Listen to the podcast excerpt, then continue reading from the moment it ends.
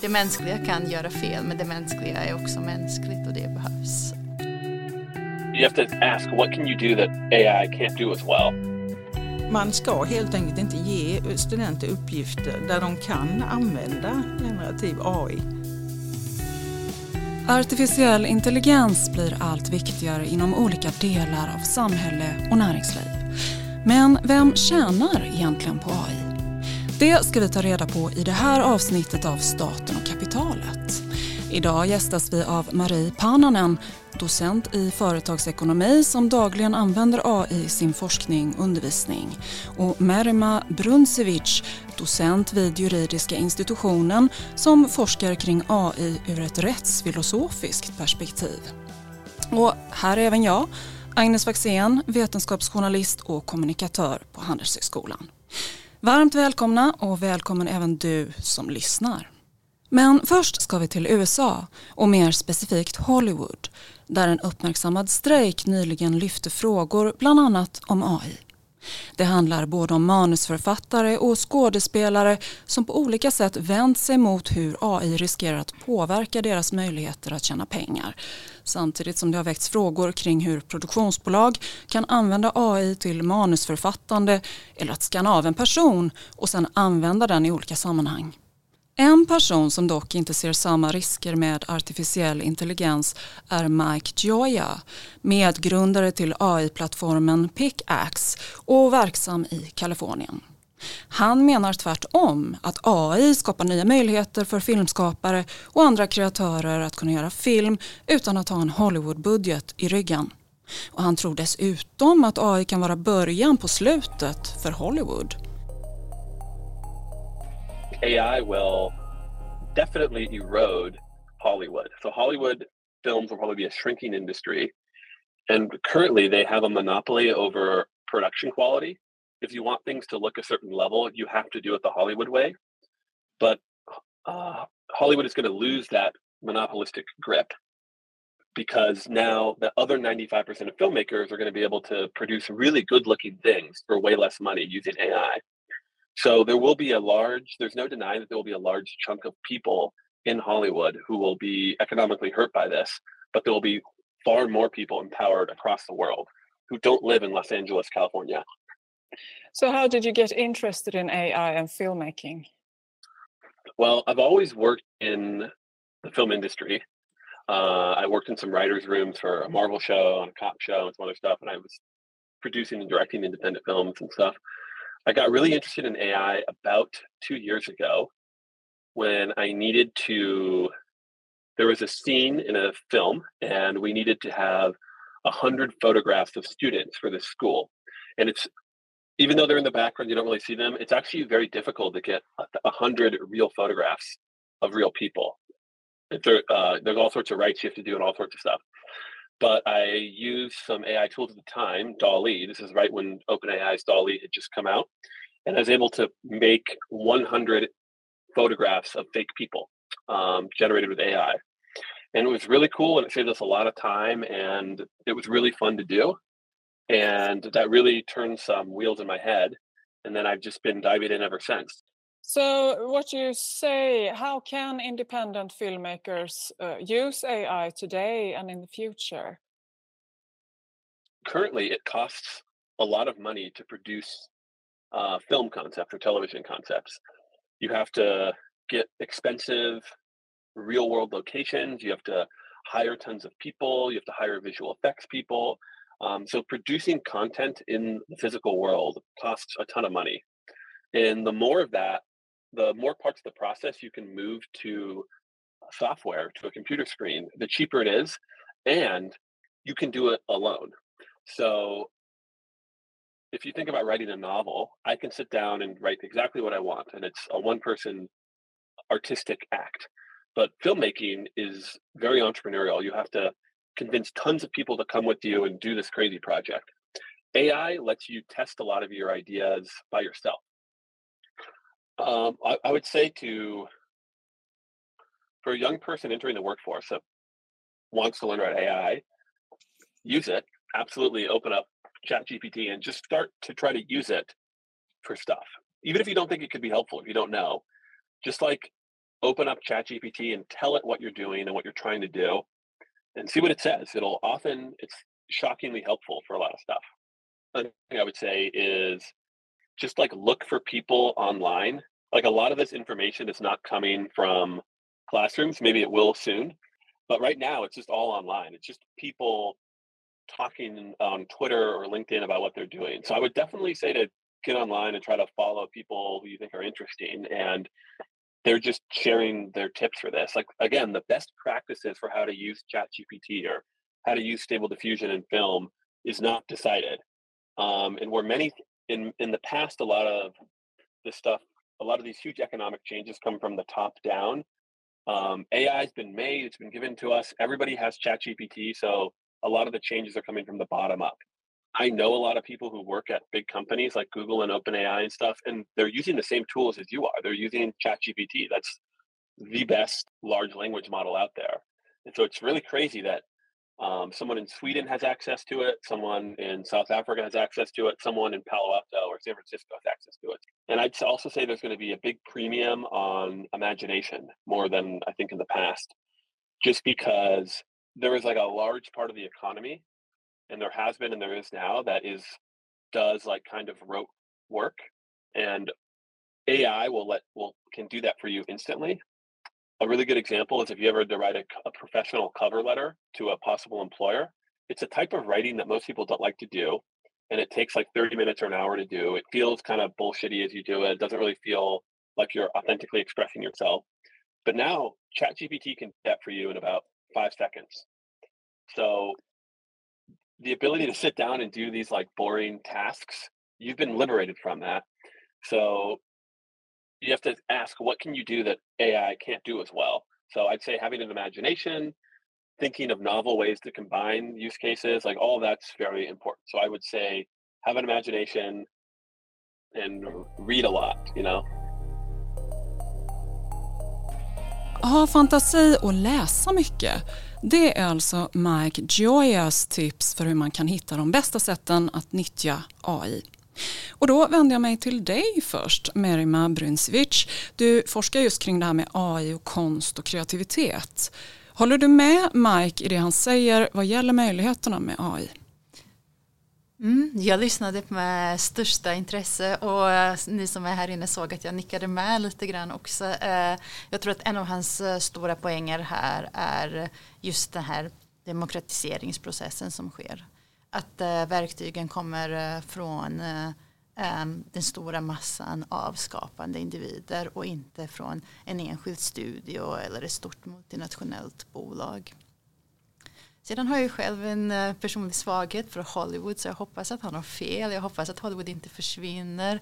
Hollywood kom ju upp under en era då industrialisering och filmteknologi föddes första gången så jag hoppas att de också har möjlighet att faktiskt ta till sig allt det här som har hänt, både det som kom eh, med protesterna och eh, konstnärsstrejkerna ehm, och att de lyckas överleva även i den här nya teknologiska vändningen. Så att jag håller med om honom i det stora hela att uh, mycket av det tråkiga arbetet kommer att försvinna. Men uh, jag hoppas också att det här högkvalitativa också kan leva vidare. Jättebra och då vänder jag mig till dig Marie Pananen. Eh, hur skulle du egentligen vilja beskriva AI rent konkret? Vad, vad är det för något? Ja, alltså för mig är det ju, det är ju, jag använder AI, jag skapar inte AI, bara försäkra mig om att alla förstår det. Um, AI är någonting som gör att vi kan hantera data och analysera data på ett väldigt enkelt sätt. Så det här nya med generativ AI har ju nu gett, gett oss en möjlighet, och gett alla en möjlighet att, att analysera stora mängder av data. Om man då tänker då filmskapande som ett exempel till vad man kan använda AI till. Men det finns ju hur mycket som helst. Bland annat då i Kalifornien där man har börjat testa AI för att förutse vilka som riskerar att drabbas av hemlöshet. Och man använder det för att förstärka beredskapen för bränder och även inom poliskåren för att få en tydligare bild av hur, hur poliser bemöter civila. Och du Marie Pananen, du ser ju många möjligheter inom miljöarbetet till exempel. Vill du berätta lite om det?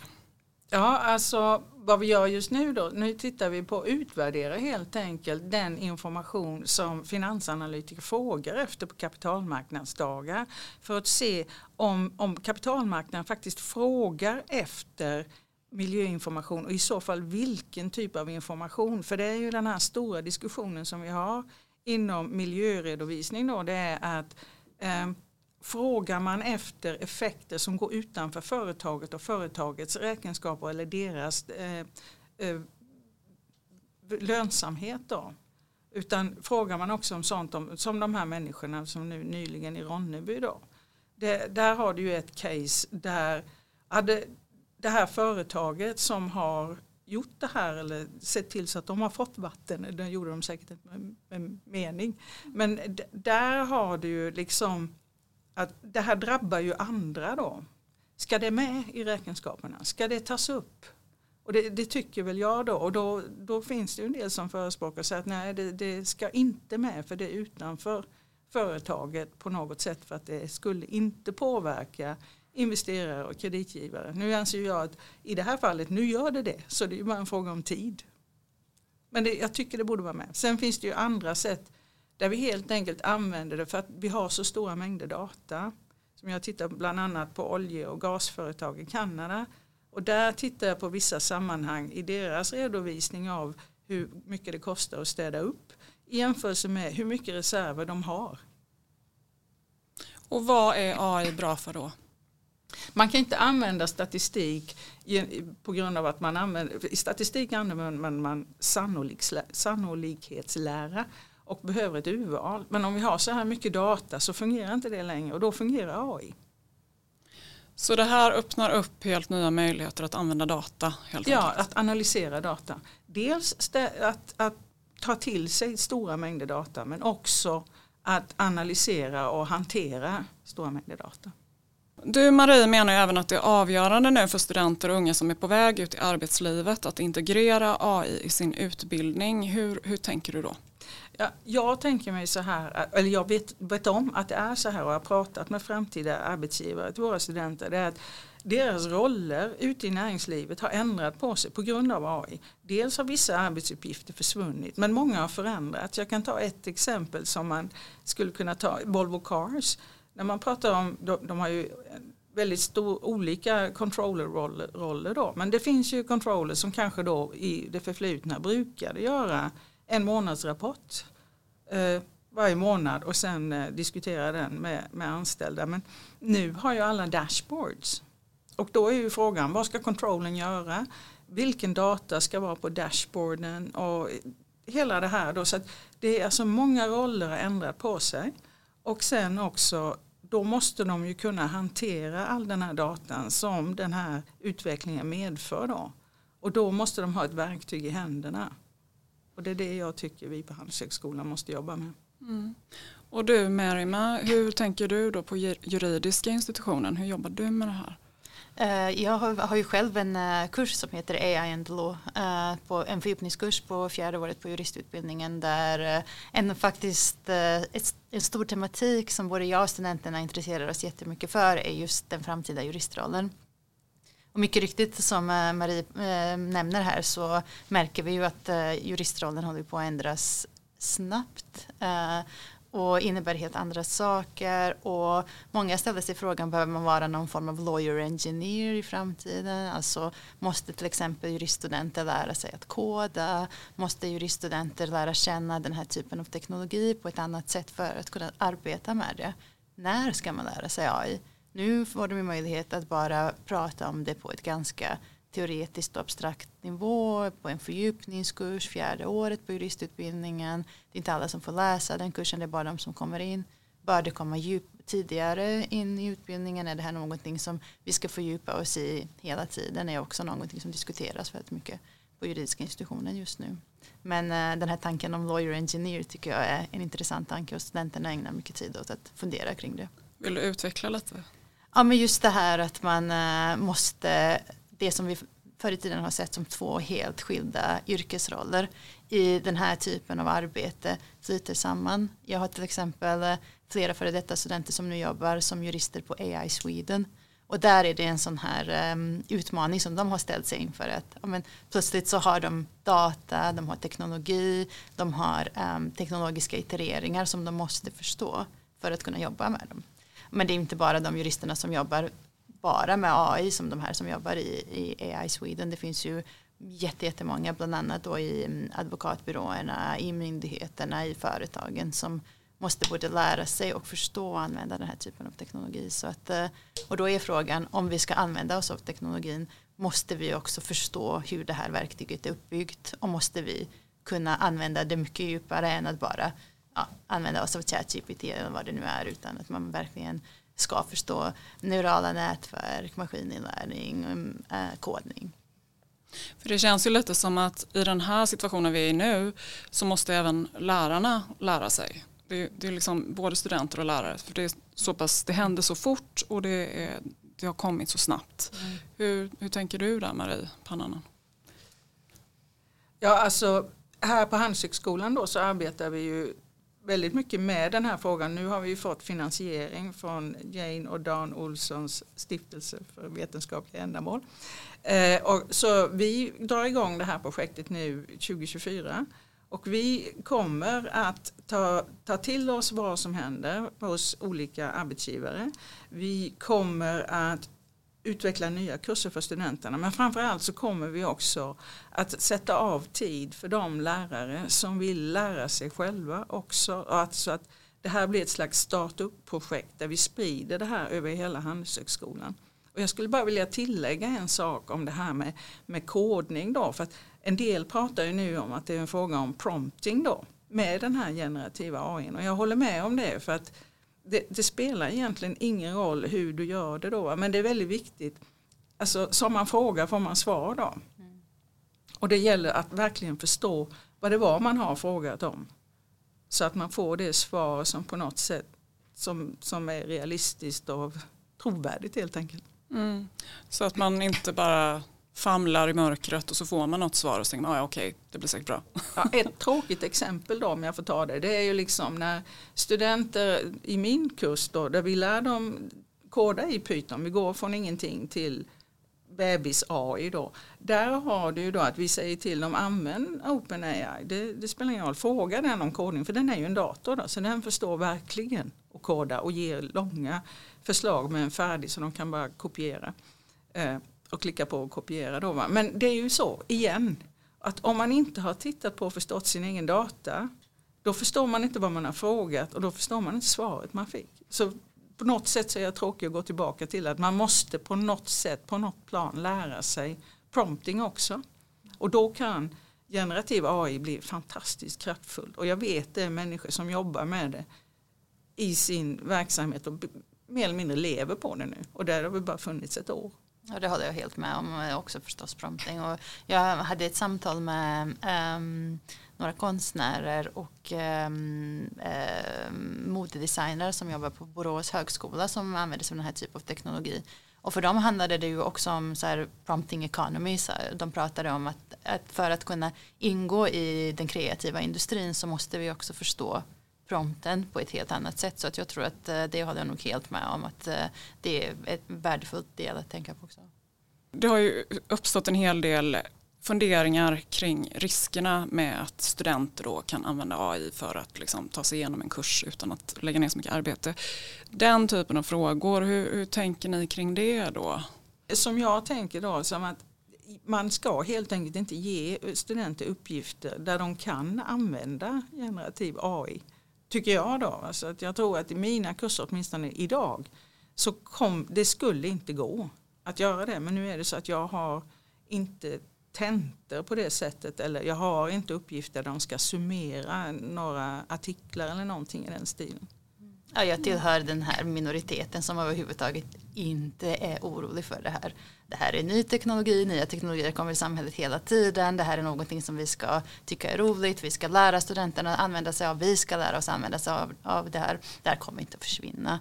Det här kommer inte att förstöra någonting. Vi måste bara förstå det. Och, um, precis som Marie säger här, vi måste ha uppgifter som handlar om att tänka kreativt, som handlar om att verkligen eh, försätta sig i en situation som man måste analysera, som man måste förstå på djupet. Och då, då är inte de här eh, teknologierna eh, en fara utan snarare tillgång. För att det tillåter studenterna att komma på en helt annan nivå väldigt mycket snabbare. Och då kan istället de till, eh, tillägna den tiden åt att eh, själva resonera och att själva komma med egna ehm, bedömningar och ehm, analyser istället för att eh, slösa tid på det här ehm, formella. Så att jag personligen är inte jätteorolig för det men det här är verkligen, verkligen fortfarande en åsikt som är minoritet i alla fall på min institution där man pratar jättemycket om hur man ska sköta examination, hur man ska utforma examination och sådär. Vilket man, man naturligtvis måste göra men, men jag tror att det här är en teknologi som har kommit uh, likt uh, jag vet inte, stavning i Word och ingen bryr sig längre om att studenter inte lär sig stava själva utan att Word sköter det här. Så att, jag tänker att vi får bara vänja oss vid det. Absolut, och utnyttja det så gott mm. vi bara kan. Mike Gioia gav ju några tips där till studenter hur han tycker att man kan använda AI till sin fördel. Och det låter ju lite som att man kan slippa mycket av det enkla och kanske lite de lite tråkiga uppgifterna och istället jobba mer med kreativitet och idéskapande. Håller ni med och kan ni ge några exempel på det som man skulle kunna tänka sig studenter och kan göra? Jag håller helt med om det här som jag får hoppa in. Eh, just på min kurs så ett sätt som jag verkligen vill att studenterna kan jobba med det här utan att det stör dem är till exempel i eh, grupparbeten där de till, jag, jag ber dem till exempel tillverka en akademisk poster Eh, där de beskriver någonting eh, som är en typ av problematik där rätten eh, utmanas av AI. Och då måste de i gruppen både brainstorma fram idéer, de måste hitta, formulera varför det är problematiskt och sen så måste de också visualisera det i en poster och när man jobbar i en grupp när man måste så att säga själv driva den här typen av projekt då kan man inte bara förlita sig på artificiell intelligens men det är ju ett jättebra verktyg och det som kommer ut uh, ur de här grupparbetena har extremt hög nivå redan nu. Och du Marie? Man kan ju exempelvis tänka sig, vilket vi använder i en kurs där jag är med som lärare också, det är ju att man kan generera intervjufrågor men då kommer det givetvis in en etisk aspekt på det här. För att om man har en roll för en människa och man har en bakgrund. Då kan man ju be eh, generativ AI producera intervjufrågor. Och då kan man säga, säga att man vill ha tio och så kanske man hittar fem som är bra. Det, det kan man ju göra. Men då får man ju också ha klart för sig vad man stoppar in i den här generativa AI. Så man får ju inte stoppa in företagets namn. Och man får inte stoppa in namnet på personen. För där, där, då vet man ju inte var den här datan hamnar. Så det är väldigt viktigt då när man gör sånt här att man gör det med ansvar. Men den kan ju i princip göra en massa saker. Att, att på något sätt skapa någonting att börja med alternativt arbeta om någonting som man själv har gjort då. Och det använder ju vi lärare i ganska hög utsträckning också. Den här ansökan till eh, Jane och Dan Olssons stiftelse den ansökan bad jag generativ AI skriva om med konsultsvenska för jag skriver ganska tråkigt som forskare. Okej, okay, och du blev nöjd med resultatet? Absolut. Och det blev uppenbarligen de med eftersom ja. ni fick 10 miljoner. Alla blev glada. och du Merima, hur ser du då liksom på riskerna med det här? Det finns förstås eh, risker med teknologin och eh, också den kommande lagstiftningen, AI-förordningen är precis baserad på det, alltså att mitigera risker.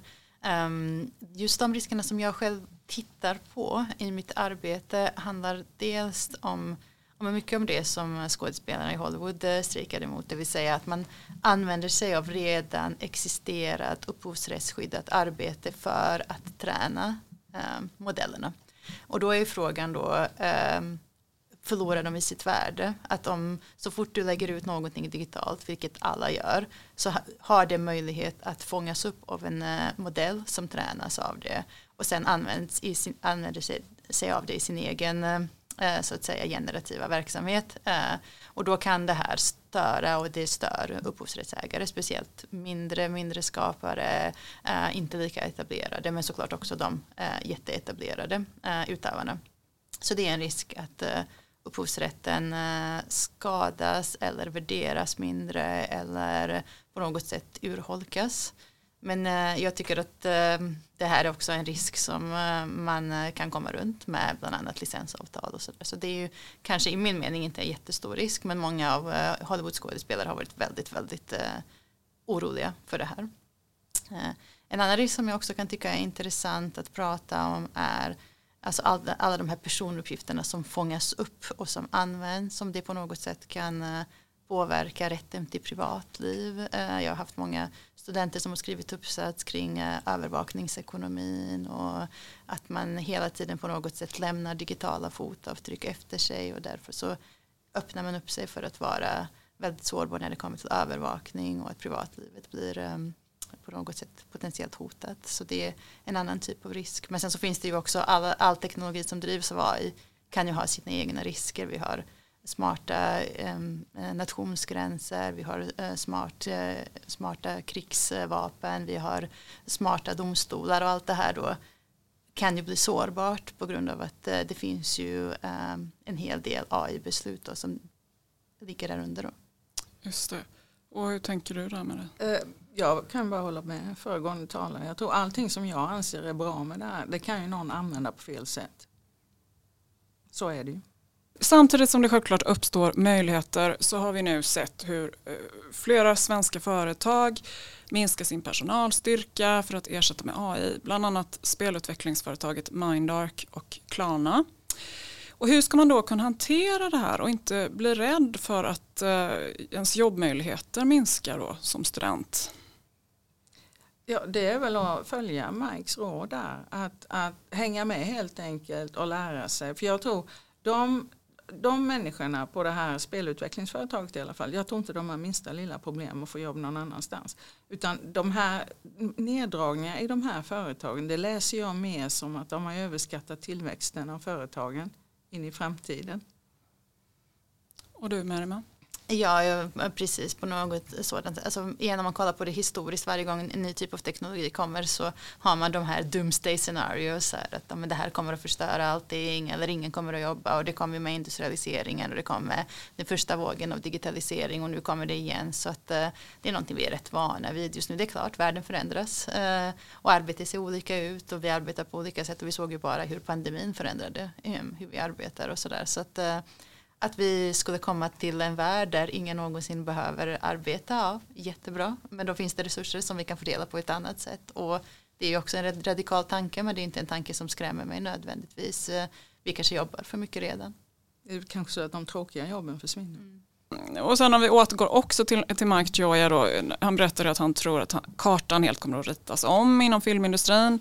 Eh, ser ni andra områden där AI kan få så fundamentala konsekvenser? Låt oss sticka ut hakan och säga juridik då. Ehm, som sagt ehm, långsamt men eh, försiktigt ändras både juristrollen och juristutövandet eller juridikutövandet så att jag tror att uh, vi kommer att se um, kanske mycket mer um, klientnärvaro och empati och samtal från jurister men inte det här att man gör due diligence eller att man gör de här stora rättsutredningarna som är liksom tidskrävande och som kostar jättemycket pengar men det lämnar inte jättemycket tid åt eh, det empatiska, det medmänskliga samtalet med klienten och sådär. Så att um, på det sättet så ser jag juristyrket uh, utvecklas jättemycket också. Uh, sedan så är också mina studenter väldigt intresserade av AI-domaren och eh, när vi alltid pratar om eh, domaryrket så brukar vi alltid hela tiden prata om hur får vi den mest objektiva domare? Hur ska man göra så att domarna är neutrala och objektiva? Men sen när man ger eh, studenter möjlighet att fundera på men här har vi ju en dom domare som är helt objektiv inom citationstecken, det vill säga det är inte en människa som ser och dömer och kommer med sina egna fördomar då blir eh, studenter oftast väldigt oroliga och tänker nej nej jag vill ha en mänsklig domare jag vill ha någon som faktiskt kan se mig som en människa och sådär. Så att eh, ehm, det är också någonting som vi får tänka på. Alltså, det mänskliga kan göra fel men det mänskliga är också mänskligt och det behövs också. Eh, så att, eh, men det här är ju juristyrkets kärna så att det, det kommer att behöva ehm, förändras. Men jag tänkte lite på det som du sa innan vi drog igång inspelningen här om eh, militär, alltså att använda det på det sättet. Det är, det är också det här mänskliga, om, om det försvinner i, i en sån situation. Det är någonting väldigt eh, hotfullt tycker jag personligen. Mm, precis, precis och jag har ju kollegor på institutioner som eh, pratar om just artificiell intelligens i krigsföring och är väldigt intresserade av det eller bedriver forskning på det ämnet. Och där kan man se till exempel att krigslagar är väldigt eh, beroende av att man kan definiera eh, soldat och att man kan definiera vapen och att man kan definiera en chain of command där i slutändan den som är högst upp i den kedjan eh, är den som fattar beslutet.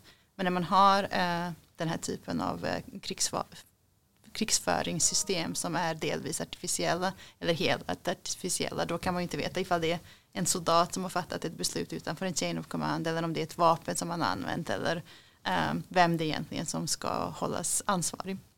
Uh, så det är ja, en utveckling som vi bevakar och beforskar redan nu. Många, många frågor som kommer att behöva svaras på framöver och vi är med på Handelshögskolan Helt enkelt. Absolut och låt oss hoppas att vi också är stor i bräschen och att är en av de första som eh, faktiskt tar det här på allvar och tar in i, i den här typen av utbildningar, ekonomi, juridik. Ehm. Absolut, det kommer ju att påverka ekonomerna enormt också. Ja precis, hur, hur tänker du där med ja, men det, det, det, finns ju vissa bestämda yrkeskategorier som revisorerna, det blir nästan samma som juristerna där. Men det som jag sa innan, controllers, om vi går utanför Handelshögskolan, tror journalister, de kommer bli väldigt påverkade. Verkligen. Så då har det blivit dags att avrunda. Och vi ställer alltid frågan vem tjänar på? Och då vill jag fråga dig först Merima, vem tjänar på AI?